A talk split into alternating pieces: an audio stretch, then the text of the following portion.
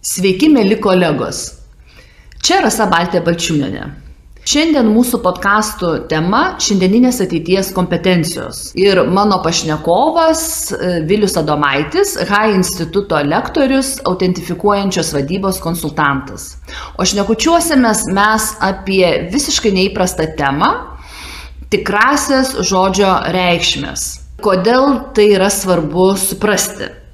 Kaip mes suvokiam, suprantam tikrasią žodžio reikšmės, mes tokiu būdu stipriname save iš vidaus, stiprinam savo mąstymą ir netgi keičiam save. Labas vėliau. Labas Rasa. E, dabar nemažai viešojoj erdvėjai pasirodo pamastymą apie tikrumo krizę. Kaip tu supranti, kas tai yra tikrumo krizė ir kodėl šiandien jinai tokia darosi labai aktuali? Nusibodo tas žodis krizė. Kas ne metai, tai vis krizė, tai vis krizė, tai tokia, tai anokia, tai aš jo net nenaudočiau. Bet e, kai kalbam apie tikrumą, visi kažkur viduje kaupėsi toks pojūtis, pajauta, daug ką priimant iš aplinkos, kad kažkas yra ne visai taip. Kad išoriškai liktai puiku, išoriškai liktai gražu, išoriškai liktai traukia dėmesį, o, o viduj tuštoka. Ir čia turbūt galima kalbėti apie bet kurį reiškinį, pradedant e, dažnai ir maisto produktų, baigiant ir, ir tai, kas klinda iš viešosios erdvės, iš, iš, iš televizijos, iš YouTube, iš, iš kitų kanalų. Tai čia aš to nepavadinčiau kri, krize, bet tok, truputį nuojauta, kad žmogus e, truputį pradeda painiotis tarp tikro pasaulio ir virtualaus pasaulio. Ir va šita painiava, jinai, jinai kažkaip vienu ar kitu pavydalu iškyla į paviršių. O kas tai yra tikrumas? Kaip tu supranti, kas tai yra tikrumas? Aš savo manau, kad aš kažką suprantu, kai tame yra kažkoks paprastumas Ir man e, tikrumas yra tai, kad aš galiu apčiuopti kažkokį turinį. Ar tai būtų skonio, ar tai būtų potyrio, tai išgyvenimo, ar tai būtų emocijos. Kad aš, aš savimi išgyvenu turinį. O ten, kur yra tik tai efektingas kažkoks pavydalas, bet turinio aš neapčiuopiu tai man jau ir signalas, kad netikra, kad yra tik tai pavydalas, o turinio nėra. Tai tą turinį mes, nu ką, nu išgyvenam savimi. E, mūsų šiandien tema yra apie tikrasią žodžio prasmes. E, ir iš karto kviečiu tave pamastyti, o ką reiškia žodis tikras? Štai ir nežinau. Ir dabar kaip tik to užsiemu, čia beje labai įdomi situacija, kai yra, yra to laiko galbūt per visas tas pandemijas, kur bėgimo tempai sumažėja ir atsiranda laiko pamastyti. Tai tada vienas iš smagiausių sėmimų ir yra pagalvoti, ką vienas ar kitas žodis reiškia. Nes šiais laikais tas aplinkos triukšmas pakankamai didelis. Yra toks visai smagus susėmimas. Tai man žodis tikras e, iš dalies asocijuojasi su tuo, kas tiesiog atsiranda. Tik randasi. Tai reiškia, turi savį tokį spontaniškumo, e, spontaniškumo elementą, kai kaip ir pats gyvenimas, kai kaip ir mūsų, mūsų kiekviena dienos akimirka, jinai iš kažkur atsiranda nėra sukonstruojama, nėra sufabrikuojama, nėra grinai sugalvojama, jinai tiesiog atsiranda. Tai man, aš, man, man toks asociatyvinis ryšys. Nors aš čia jokių būdų nesu nei, nei kalbininkas, nei kas, kad e, pasakyčiau, kad tik tai taip ir gali būti. Čia man asmeniškai. Man dabar tokia išvalga kilo, ačiū tau labai. Aš niekada nepagalvojau, kad tikras turi tik ras, rastis, tik randasi. Tai tikras yra, kas čia ir dabar šiuo metu randasi, ne tai, kas ateina iš konstruktų, ne tai, kas ateina iš atminties, ne tai, kas ateina iš fantazijų iš ateities, bet tai, kas duotų momentų randasi ir matyt atitinka tą kontekstą, kuriame yra tavo kūnas, kur tu esi Ir ta proporcija, tarp, e, ta proporcija tarp to, kas tu esi ir kas randasi, ir mes tada išgyvenam tikrumo jausmą. Tarp kitko, aš dažnai žmonėms užduodu, e, pagal ką jie atskiria, ar tai yra tikra ar ne. Nu, klausimas atrodo paprastas, tai visada būna pauzė. Ir po pauzės sako, hm, nu kaip, nu tu jauti, Tu tikrumą negali atpažinti pagal kitus dalykus, tu tiesiog viduje jauti. Ir matyt, tai, kas randasi duotų momentų ir pas mus pagal pojūtį yra tas jausmas, o visa kita yra konstruktai. Ir šalia tada man ateina dar vienas žodis, kurį labai aš mėgstu naudoti, tai yra e, tikėjimas. E, labai žodis tikėjimas yra dažnai naudojamas mūsų kalboj. Ir man pačiai va, tas atradimas, kaip senovėje lietuviai sukonstravo žodį tikėjimas, kad yra tik ėjimas. Jeigu tu darai, tai ir realizuosis tie dalykai ir tai nėra, neturi jokio sąryšio su tavo iliuziniam fantazijom, kad va, jeigu aš dabar svajosiu, va, tikėsiu ir taip gausis. Nu ne E, dalykai darosi, gyvenimas darosi ir tik darant tu turi tikėjimą. Jo, ir žiūrėk, koks, koks iš tikrųjų e, smagus rezultatai gaunasi tokių, sakyčiau, nu, vidinių, vidinių žaidimų šiuo metu, kai tam, tam turi laiko. E, iš tikrųjų, tikėjimas, e, tikėjimas nuoroda į veiksmą. Gyvenimas veikia gyvenimas vyksta, gyvenimas juda. Ir e, kai ieškai tikrųjų žodžių prasmių, tai pasimato, kad žodžiai matyti ir, ir užgimė kaip visų pirma veiksmo apibūdinimas, o ne, ne objektų. Ir šiandien irgi galvojau apie įvairius žodžius ir kažkaip labiausiai norėsiu užsikabinti už tų žodžių, kurie, kur aplinkui labai daug girdi. Pavyzdžiui, žinių ekonomika žin, žinios, žinojimas. O kas yra žinojimas? Vat lietuvių mūsų gimtoji kalba, iš kur, kokį veiksmą atspindi žinojimą. Ir ieškojau, ieškojau, ieškojau ir kažkaip man suasocijavosi, žinau, žengiu, žingsnis. Jeigu aš žengiu į tai, kas nepažįstama, nu, galim įsivaizduoti kokį senovės balto gentainį, kuris žengia į nežinomą mišką. Tai po to žingsnio atsiranda rezultatas. Kažkas tapo jau įžengta, pažinta, sužinota. Tai man taip įdomiai, įdomiai pačiam, aš nežinau, gal, gal čia tokios tik tai sekmadienio popietės fantazijos, bet, bet žinojimas iš tikrųjų tada atspindi, kiek tu realiai eini į naujovę ne tai, kas tau kažką pasakė, kažkokią tai, nu, perdavė kažkokį sakinį. Tu žengi į muzikos pasaulį, tu žengi į mokslo pasaulį, tu žengi į kokią nors neištyrinėtą mišką, tu žengi į neištyrinėtą teritoriją. Ir tada žinios, jeigu žiūrėt per tokią prizmę, yra rezultatas betarpiško veiksmo. O veiksmas visada lydimas patirtim tikra. Asmeninė tikra patirtim. E, labai įdomiai aš reaguoju. E, žinojimas man labai patiko tavo įžvalga, įžvalga kad kai tu žengi, žengi, pažįsti, patiri žinojimas.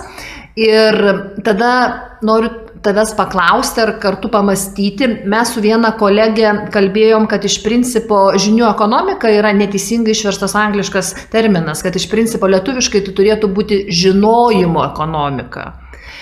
Ir kaip tau atrodo, kame yra skirtumas žinojimo ekonomikos jeigu pratesti tavo mintį, kaip tu šitą žodžio esmę aiškinai, kad tai yra, kai tu žengi į naujus dalykus, pažįsti, patiri ir tai tampa jau tavimi.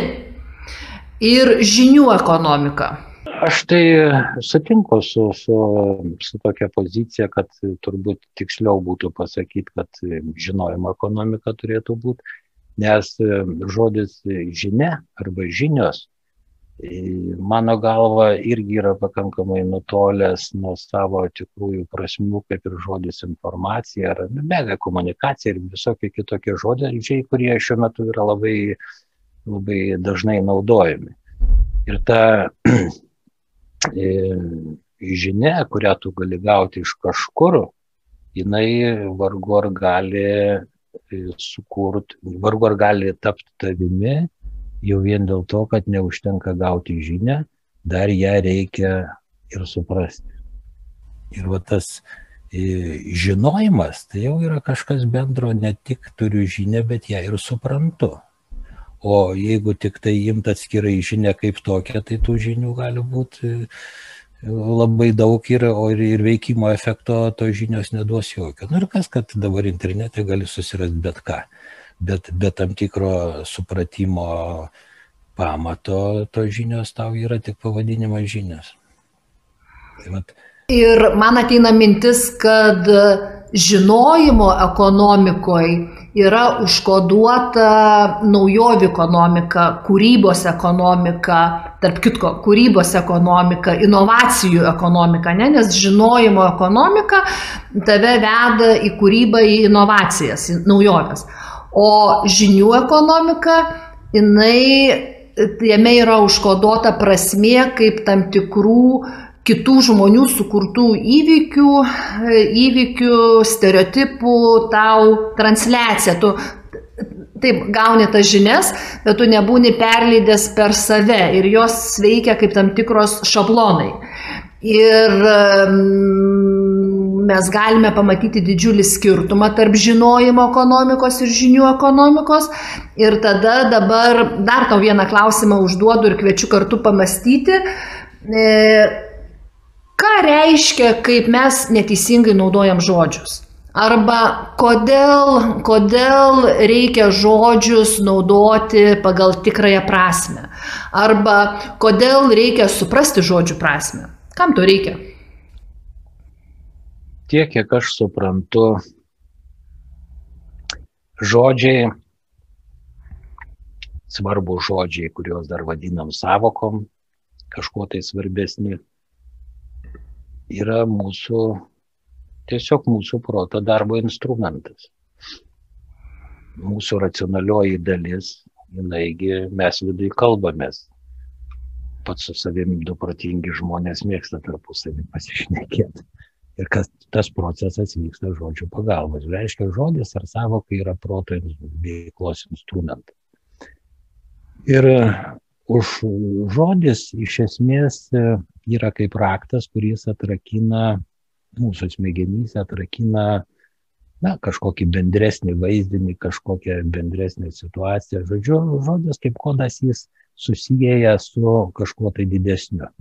Ir jeigu tu, jeigu šita sąsaja yra tiksli, o žodis, pasižiūrėti istoriškai, jis faktiškai apibendrina tūkstantmetę žmonijos patirtį vienoje ar kitoje srityje, ir ta sąsaja žodžio su kažkokiu gyvenimo vyksmu, jinai būna sutikslinta labai stipriai. Tai reiškia, jeigu tas žodis atspindi reiškinį, tai tavo protas gali operuoti tikrais dalykais ir gali suprasti ryšius. Bet jeigu žodis yra tuščias, tik fonetinis skambesys, tai sudaro tik iliuziją kad tu gali kažką racionaliai kalbėti ir atrodyti iš šono protingas, bet tu vargu ar būsi produktyvus. Tu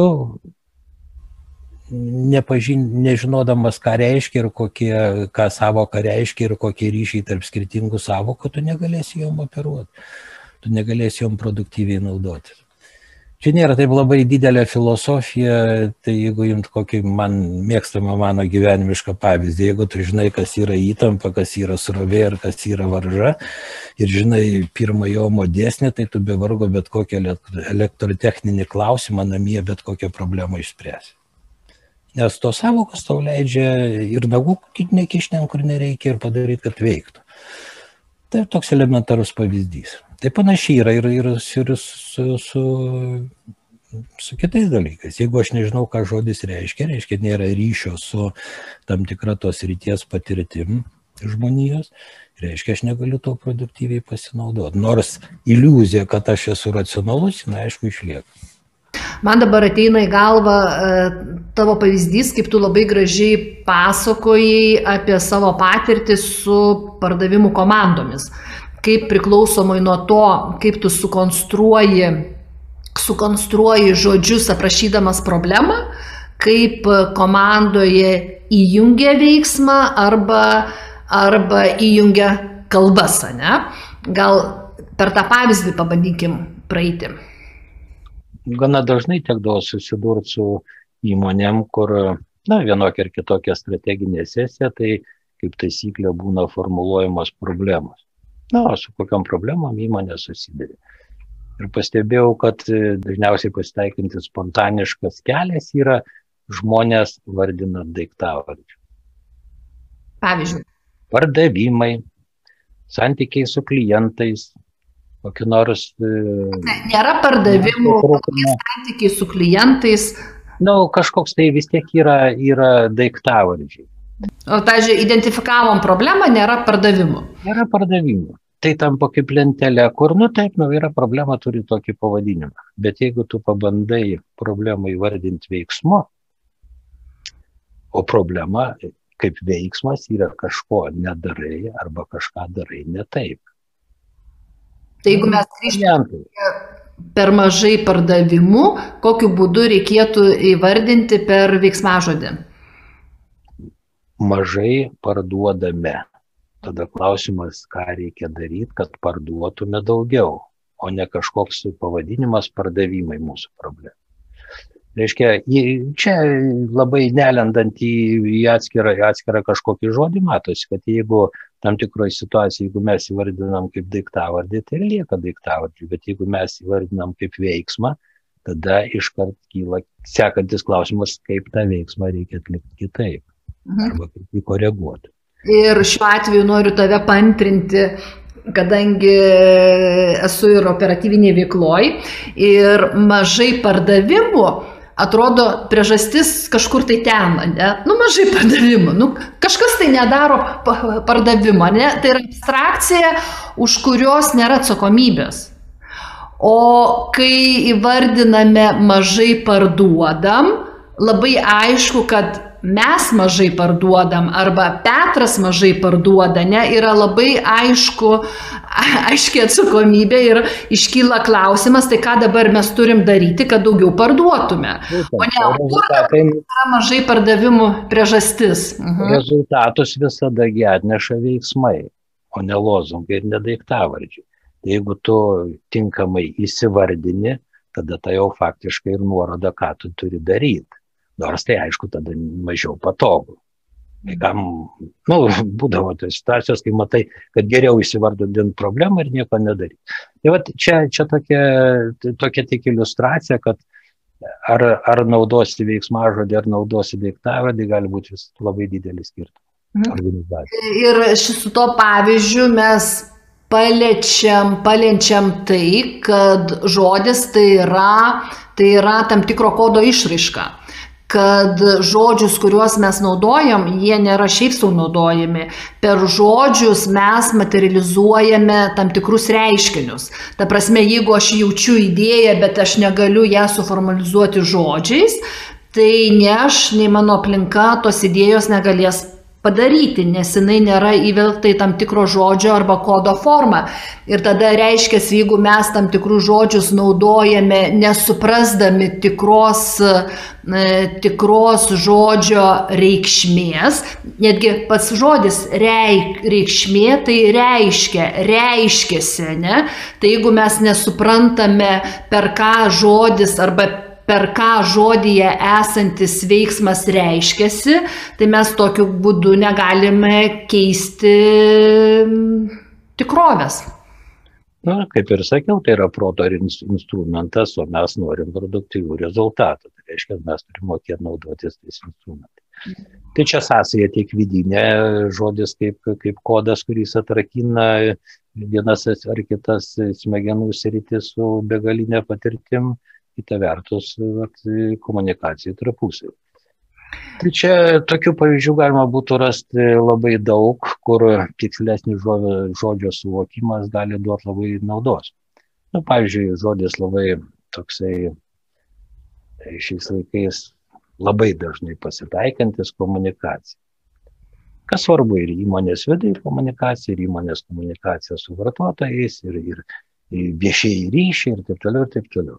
Ir jeigu pasižiūrėt, reiškia, standartinį tokį supratimą, ką reiškia komunikacija, jeigu žiūrėt ten kokią nors, reiškia, Wikipedia ar panašiai, tai suvedama tiesiog į ryšius ir bendravimą. Komunikacija, pranešimas, perdavimas arba ryšiai, bendravimas. Tai yra standartinis suvokimas. Ir vėlgi pamatysim, kad čia yra davaik, tokios, nu, iš esmės daiktavardžiai. O komunikacijos esmė, kaip kyla iš pirminių žodžių, tai nuo latiniško kum kūnus. Esame vieningi. Esame, tai yra vyksmas nėra statiška būsena. Ir reiškia, jeigu tu kalbė apie komunikaciją įmonės viduje, tai tokiu atveju gali pasimatuoti, ar taip kaip aš bendrauju, ar vienyje mūsų komanda, ar aš tik tai suvedu viską į pranešimus, ką noriu paleisti į aplinką, nu, kaip vadovas, ar, ar kaip koks marketingo specialistas ir panašiai. Reiškia, sutikslinta žodžio suvokimas jau įveda kriterijų. Ar mano komunikacija yra vieninti, nu, ar įmonės viduje, ar mane su mano klientais, ar, ar mane su kažkokiu platesniu kontekstu, ar ne. Tai va, kitu atveju tai yra ta žinučių sklaida, jinai, ko kaip dažnai ir būna, jinai tampa labai formali. Taip, jinai formaliai, profesionaliai sukonstruota, bet visiškai neneša jokio vienimo jausmo. Ir tada gimsta ir visokios formalios misijos, ir vizijos, ir formalūs pranešimai spaudai, ir kas tik tai nori, kur išoriškai kaip ir komunikacija, tos tikrosios vienimo funkcijos netlieka. Ir tai negali pasakyti, kad už to būtų bloga valia, tiesiog nepakankamai tikslų žodžio supratimas ir būtent reikšmės to žodžio supratimas. Man dabar kyla mintis, kad turbūt nėra organizacijų, kurios neturėtų komunikacijos problemų. Nu, ta prasme, būna komunikacijos problemos įmonės viduje, būna santykė su, su klientais ir tada supranti, kad mes komunikaciją dažnai suprantam kaip tam tikrą bendravimą, kaip tam tikros žinutės ištransliavimą. Ne? Ir jeigu yra pametamas tas uh, suopratis, kad komunikacija yra vienimasis, tai reiškia, mes tada mums yra svarbu atlikti tam tikrą veiksmą ir jis neveda į bendrumo rezultatą arba į bendrą tikslą. Ir matyt, jeigu savo vietoj komunikacijos vartotum žodį, nu, arba komunikaciją savo neštum vaizdinį, kad e, tai yra vienimasis, tu ir kitaip žinutės transliuotum. Ir lygiai tą patį dar noriu mintį pratesti, e, mintį dar pratesti, kaip aš per seminarus užduodu žmonėms klausimą, kas jiems yra komunikacija, tai dažnai yra, nu, bendravimas, ne? Ir bendravimas, kuris neveda į vienimąsi arba neveda į bendrą tikslą. Ir tada, jeigu tu aiškiai savo įsivardintum, kad komunikacija tai yra tai, kas su kitu žmogumi ar su kitais žmonėmis, aš noriu turėti bendrą vieną, vieną veiksmą, kuris veda bendrą tikslą, tai tu savo pastovi ir užduotum klausimą. Jeigu tu nors, su kuo nors esi, savo užduodi klausimą, tai koks mūsų yra santykio tikslas, ne? Ne, ne šiaip bendravimas dėl bendravimo, bet su kokiu tikslu. Ir tu laikydamas tai, kas dabar tame santykė mus vienyje, tu gali iš karto išeiti į, į rezultatus ir atrasti naujus sprendimus, o ne kad bendravimas dėl bendravimo. Jo, ir va čia, sakyčiau, puikus pavyzdys, mes tik tai paliečiam keletą žodžių ir mes jau turim apie ką kalbėti aiškinantis niuansus, supratimus ir taip toliau, ir taip toliau. Ir kiek atsiveria dalykų, kurie tikrai matosi yra prasmingi ir svarbus. Yra alternatyva viso to, mechaninis, automatinis žodžio naudojimas, kurį visi naudoja, aš naudoju, ką reiškia nežinau, ir gaunasi tiesiog toksai žodžių srautas, kuris nieko neneša. Tai grįžti prie tikro supratimo, esmė žodžio supratimo, tai mano galva kelias į produktyvesnę racionalią veiklą. Racionalią, ne kažkokią mistišką.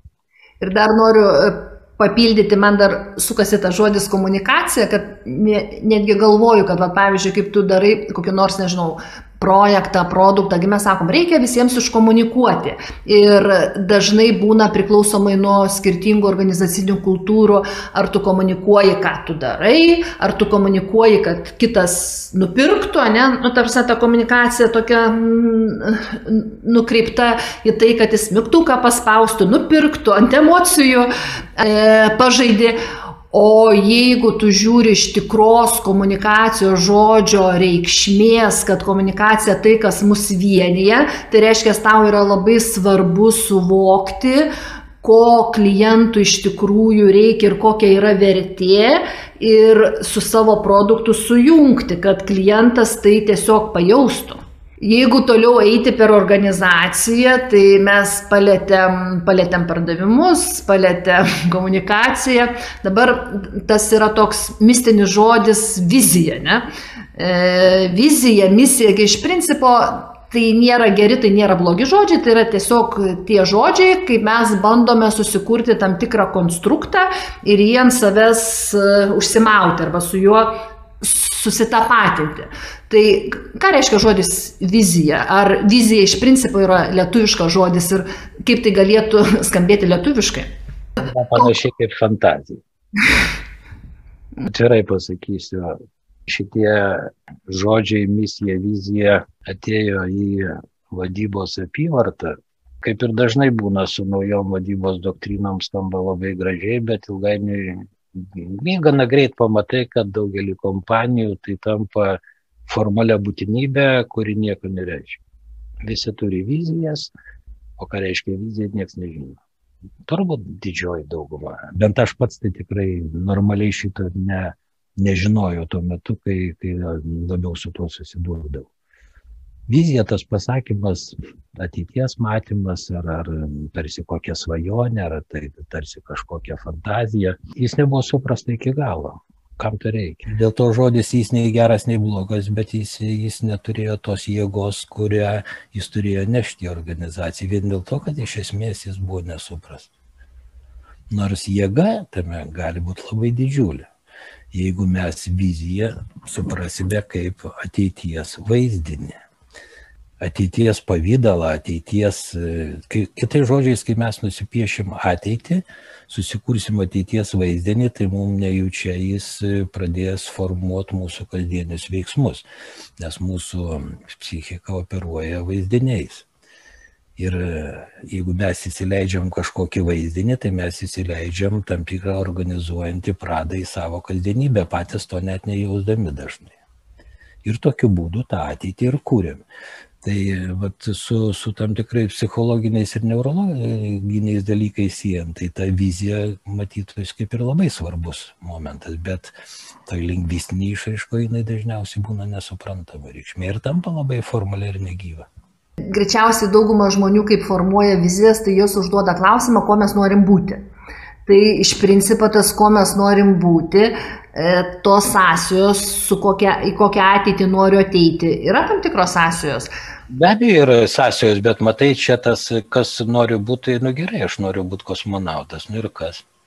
Bet jeigu, jeigu tu turi, dėl to skaičiu artimi žodžiai, ir vizija, ir fantazija, ir, ir net ir fantastinė literatūra manoma, kad yra būtent produktyvių visuomenių, reiškia rodiklis tos visuomenės, kurios gali kurti pažangę technologinę ar kitokią ateitį, dažnai tose visuomenėse yra pakankamai stipri fantastinė literatūra. Tai tas ateities, savo ateities pamatymas iš esmės yra kūrybinis darbas. Tai čia neužtenka pasakyti, aš noriu būti bet tu turi tą vaizdinį kurti, turi įdėti į jį pastangų, įdėti fantazijos, įdėti kūrybos, kad jis tikrai būtų stiprus. O tas pasakymas, tik aš noriu būti, tai, tai jis, jis yra, nu taip, nu noriu. Man dabar ateina mintis, kad e, man sunku uh, vadinti ten, ką aš, nežinau, ten matau, ar kaip vat, strateginės sesijas, kaip uh, moderuoju viziją, daugiau aš vadinu matymo, ne?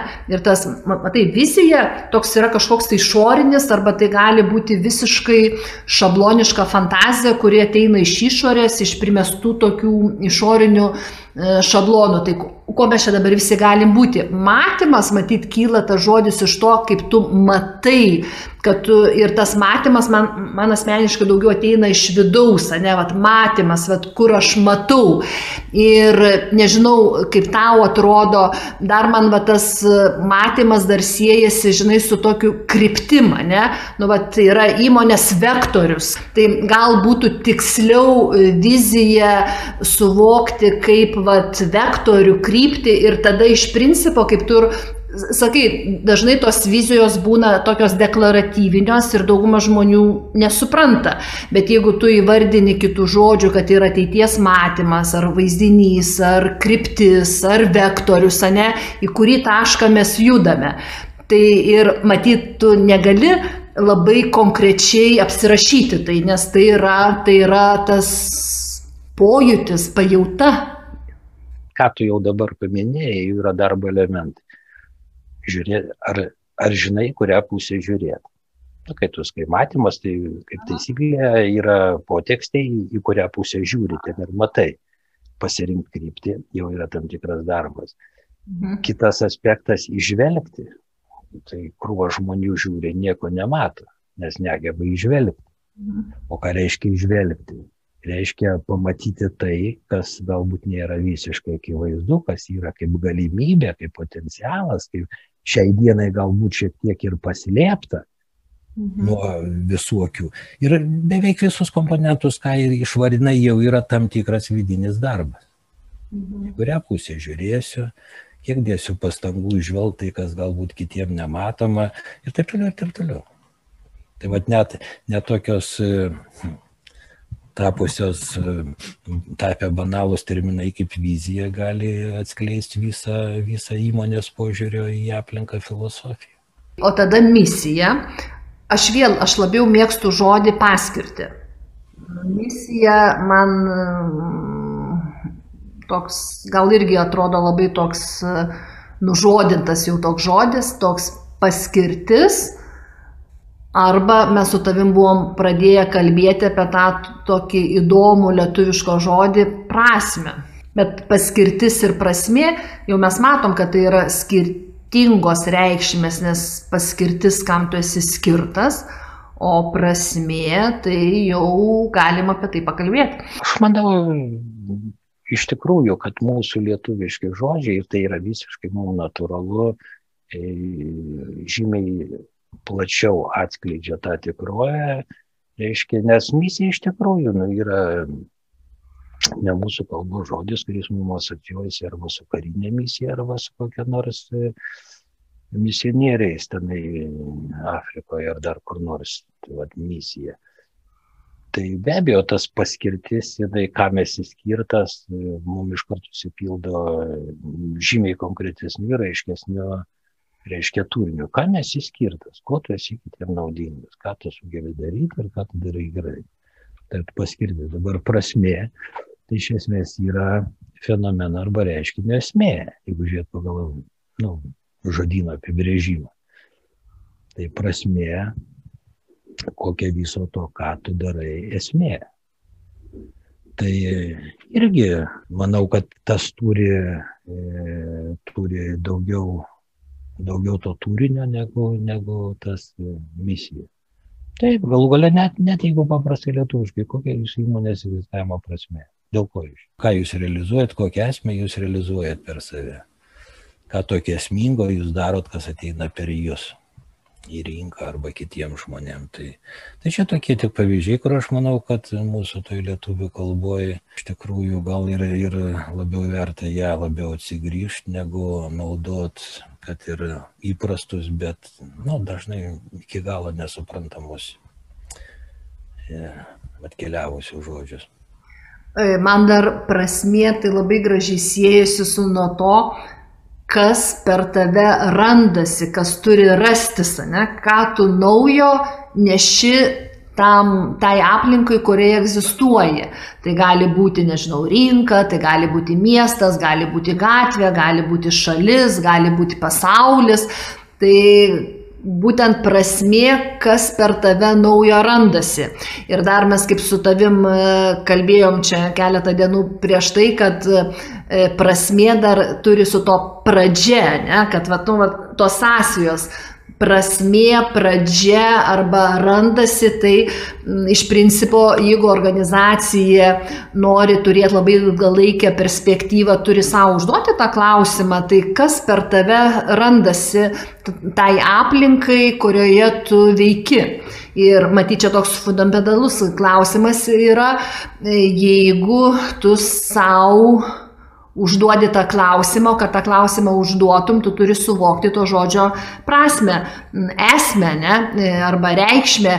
Ir mes vėl grįžtam prie to, kaip suvokimas e, žodžių tikrųjų reikšmių, kaip mus skatina į žinojimą eiti, ne į žinias. Nenaudoti žinomis, bet patirti savo, savo žinojimą. Taip, Tai mm, praktiškai visų pirma pradedi žiūrėti į veiksmus kitaip, o viskas vyksta per veiksmą. Tai jeigu kitaip žiūri į veiksmą, tai kitaip orientuojasi, ką turi daryti, kitaip kažką kitaip darai, kitokius rezultatus gauni.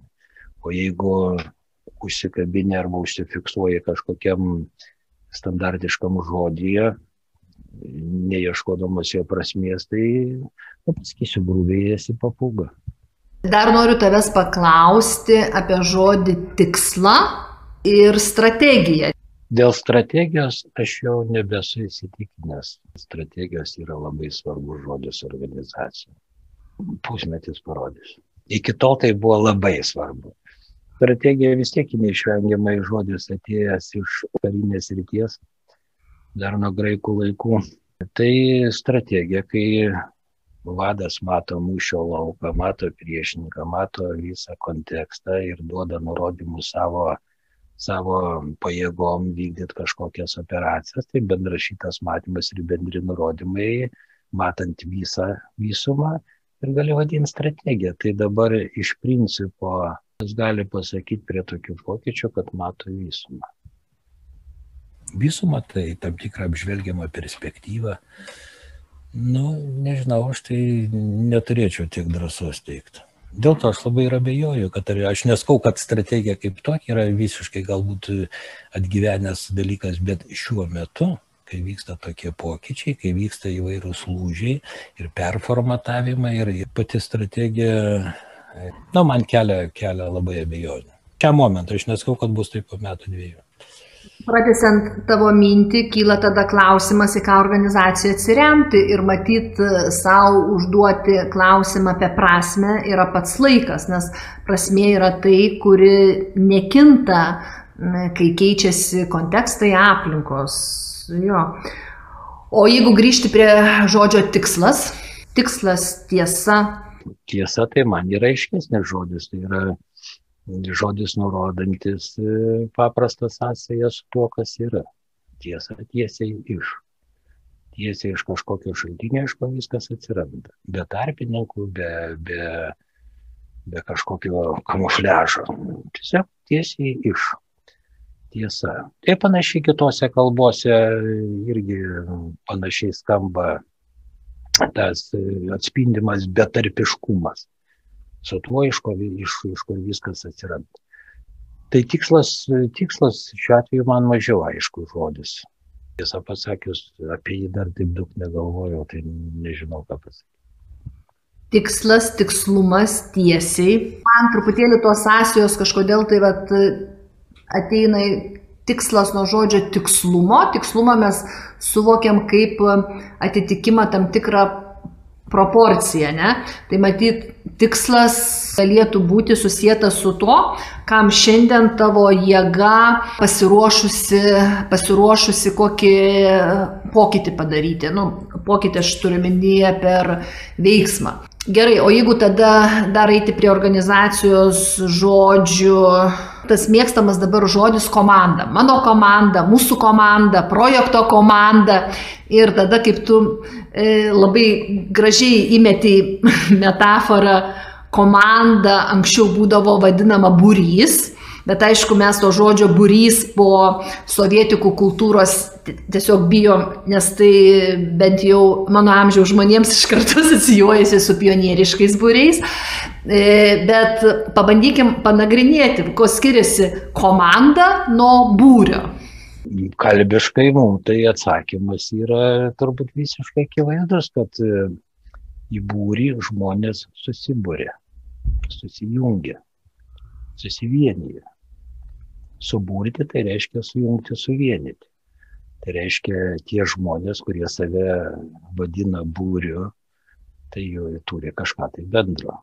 Tai gali būti ir bendras tikslas, ir, ir burdavosi žmonės paprastai kam.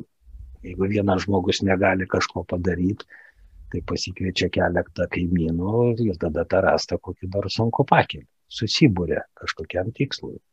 Tai mūsų lietuvių kalboje va, tas būrys ir būrtis ir tas kontekstas, kad būriamasi ne šiaip savo, o kažkokiam tikslui, kur vienam žmogui jis yra ne pagal jėgas, per sunkus, reiškia susibūrti keliem reikia. Tai tas lietuviškas žodis labai puikiai ir atspindi esmę žmonių grupės, bent jau man. O komanda tai daugiau asocijuojasi su komanduoti visi lyg ir supranta, kas tas yra, bet, bet, bet reiškia, tas lyg ir supranta, už to nėra, nėra to grūdo, ką, ką duoda žodis būrys, būrėmės kažkokiam tikslui.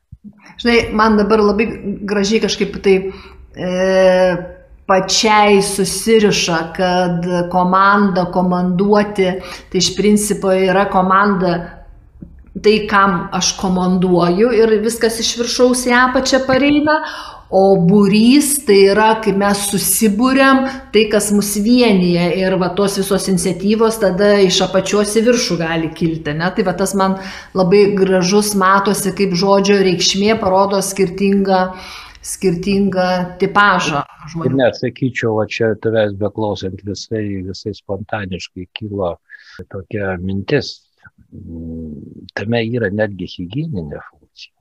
O hygieninė kokia? Informacinės hygienos aš, aš turiu omeny. Kai mums transliuoja nu, video, televizija, filmai ir visa kita, kokias komandas transliuoja. Dažniausiai tai yra supermenų, kažkoks būrys, dažnai su karinė užduotim, kur visi yra labai stiprus ir labai dėl to žavus, labai dėl to patrauklus ir jie pasiunčiami atlikti kažkokią labai svarbią užduotį.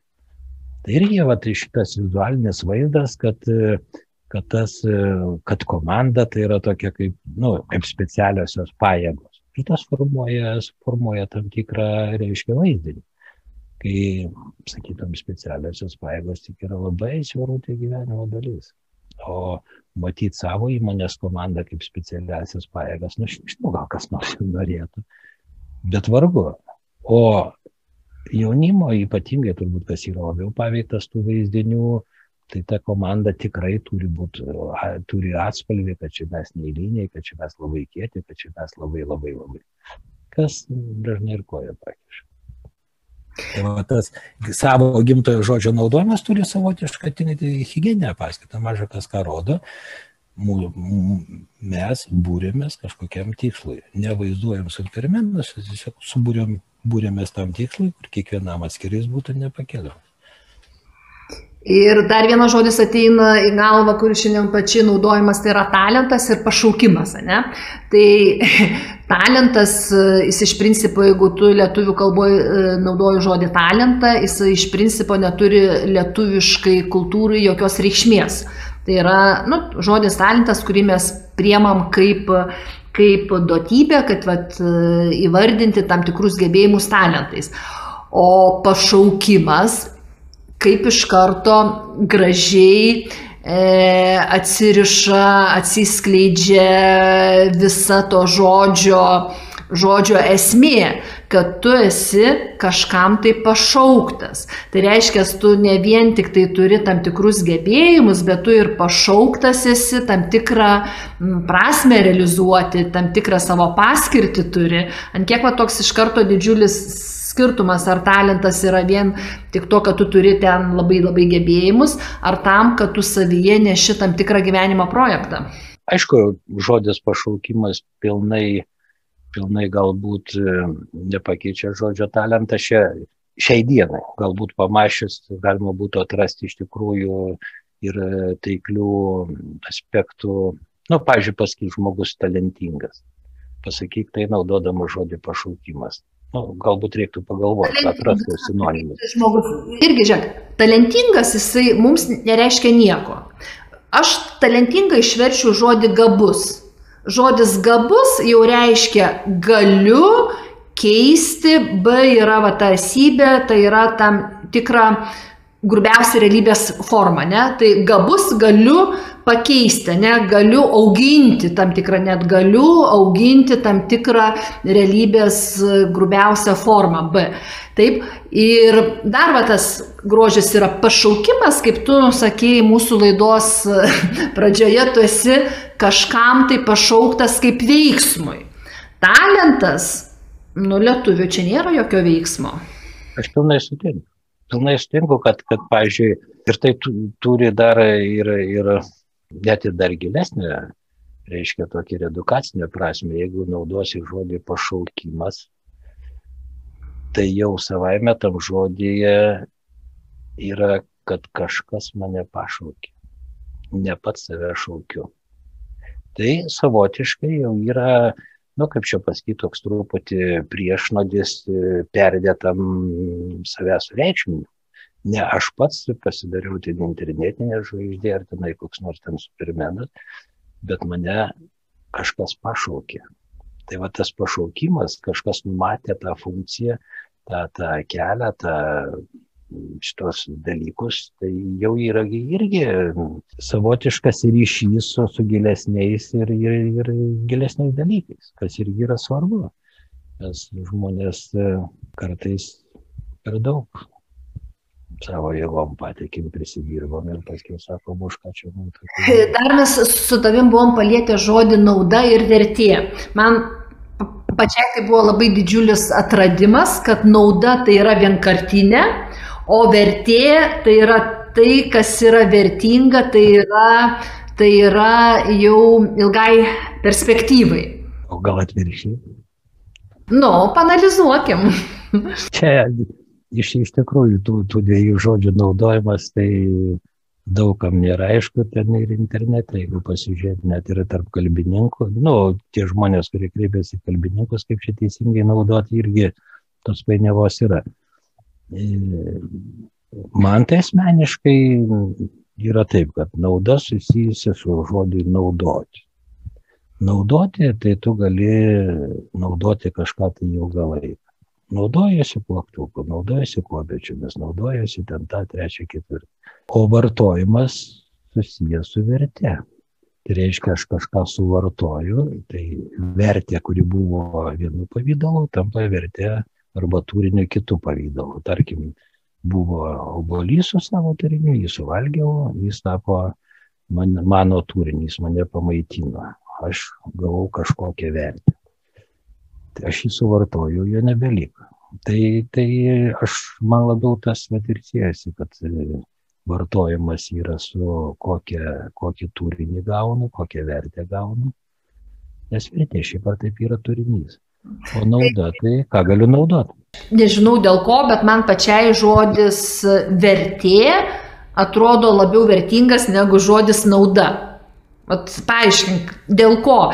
Nes iš principo, gi būna, ypatingai kai būna, pavyzdžiui, e, tam tikros paslaugos, kur tu, kur tu gali naudą turėti apčiuopiamą, bet tame neturėti vertės. Nu, pavyzdžiui, paimkim kirpimo paslaugą. Tau gali funkcija nukirpti, naudą turėti, tavo plaukai tapo trumpesni, bet tu neturi tos vertės, kur tave atskleidžia, tave stiprina iš vidaus, kur tau gerai įvaizdį pataiko.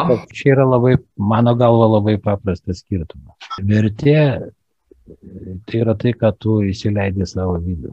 Ar tai būtų maistas fizinis, ar tai būtų dvasinis maistas, ar tai būtų psichologiniai dalykai, šiaip ar taip, vertę tu matuoji vidumi, Ir tai yra tam tikras intimumo momentas.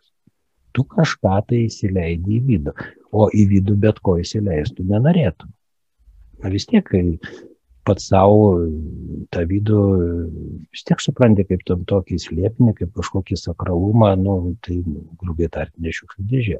Tai dėl to galbūt tas, vat, kaip ir tu sakai, toks prioritetas būtent vertėjai, gal dėl to ir yra, kad šiaip ar taip jis ateina, eina į mano vidų.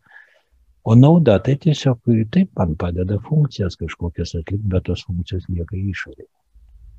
Ką aš bedarysiu, ką aš ar, ar tenai, kaip skai plaukas kirpsiu, ar, ar kažką iš medžio drošiu, ar mašiną remontuosiu, ar dar kažką, tai, tai yra veiksmai, bet yra išorėje. O tai, ką aš įsileidžiu, ką vadinu vertę, mytybinę, pažintinę, santykių, ten, bet, bet kokią formą reiškia, aš jį prisiemu į vidų ir tai mums yra svarbiau. Kaip kalbam apie vertę, vat, ir čia tie yra neapčiuopimi dalykai, nes vertė yra turinys, kur tu gali pamatuoti savo vidumi. Ir va čia mes vėl grįžtam prie tikrumo klausimo. Ne? Mes e, naudą galime pamatuoti greičiausiai objektyviais kriterijais visiems matomams funkcionalumas, o vertė, kadangi yra tas turinys ir jis gali būti labai, labai asmeniškas ir jis gali būti labai individualus, nes tai priklauso nuo tavo išsivystimo stadijos, nuo tavo poreikių, nuo to, kol, ko šiuo momentu reikia tavo asmenybė ir arba ta vertė tave stiprina iš vidaus, arba silpnina ir jau tada yra vertės su minusu. E, man dabar mūsų pokalbėje, žinai, va ta išvalga e, gimė, kad iš principo jo vertę mes vartojam vidumi ir užtat yra labai svarbu tas turinys, kuris su ženklu plius arba su ženklu minusu. O apskritai ar aš matuoju, ar aš tiesiog pateikiu, kad man kažkas sako, kad tai yra vertė ir, ir reiškia automatiškai tai priemu. Tai yra klausimas, ar aš savimi matuoju. Savim, savo kūnu, savo pojūčiai, savo, savo šitais dalykais. E, dar noriu jau visai artien prie pabaigos e, grįžti prie tokių, pavadinkim, filosofinių žodžių. Pavyzdžiui, žodis šventė, ne? Lietuvių kalboje žodis šventė yra ta pati šaknis nuo žodžio šventas. Dabar mes šventę su, suvokiam, nu kaip, nežinau, atšvesti tam tikrą mm, įvykį, žymę datą ir daugiau mes turbūt suvokiam kaip linksmybių tokią dalį. Kviečiu tave kartu pamastyti, kodėl senovėje šventė ir šventas tai buvo tas pats. Galbūt apskritai žmonės daugiau turėjo tos intuityvios pagarbos aplinkai, tiek gamtiniai, tiek, tiek socialiniai, tiek savo vidiniai. Ir e, tų dalykų, kurių gal ir nesupratę, bet jausdavo reikšmę, jų tą reikšmę pažymėdavo. Pažymėdavo švenčių ar kažkokiu kitokiu tradicijų pavydalu. Taip kad e, manau, kad ten prasmė, prasmė tam ir buvo pažymėti tuos ypatingus momentus, kurie yra esminiai, esminis reiškia, kad e, tuos momentus, kurie buvo lemintis tą, tą gyvenimą, tą ritmą, tą darną, dar kažkokius aspektus. Ir pabaigai dar noriu paliesti labai žodį, kurį mėgstu, tai yra stebuklai. Nes jeigu mes nepažįstame gyvenimo reiškinių, žodžių prasmių ir eilė kitų dalykų, tai kas mums atrodo neįmanomi dalykai, mums tampa stebuklais. O jeigu žiūrėti žodį stebuklą padalinti dvi dalis stebiu būti, kaip aš stebiu būti, arba giliau suvokiu žodžių prasmes, arba giliau suvokiu reiškinius, arba veikiu pajautą, pajautą apjungdama su savo sveiku protu, matyti ir mūsų gyvenimas tampa tiesiog stebuklu. Čia yra pabaiga, nuo ko ir pradėjom. Tikrumas ir netikrumas. Ar aš noriu stebuklo, tai stebėti tikrovę. Ar man užtenka būti kažkokiu tai bereikšmių žodžių ir žinių imtuvo, kuris e, galų gale gautinai pasimeta visoje toje srovėje. Tad čia aš manau tikrai apie vieną kartą neįsiemama tema ir, ir tai smagiais ilgai žiemos vakarais, kaip tradiciškai Lietuvai būdavo prie verpimo ratelio sekdavo žmonės pasakas, o mūsų karta nagrinės, kągi reiškia tie mūsų senieji gerieji lietuvių kalbos žodžiai, ateinantys iš gilios praeities. Ačiū tau, Viliu, už pokalbį. Iki kitų malonių. Iki.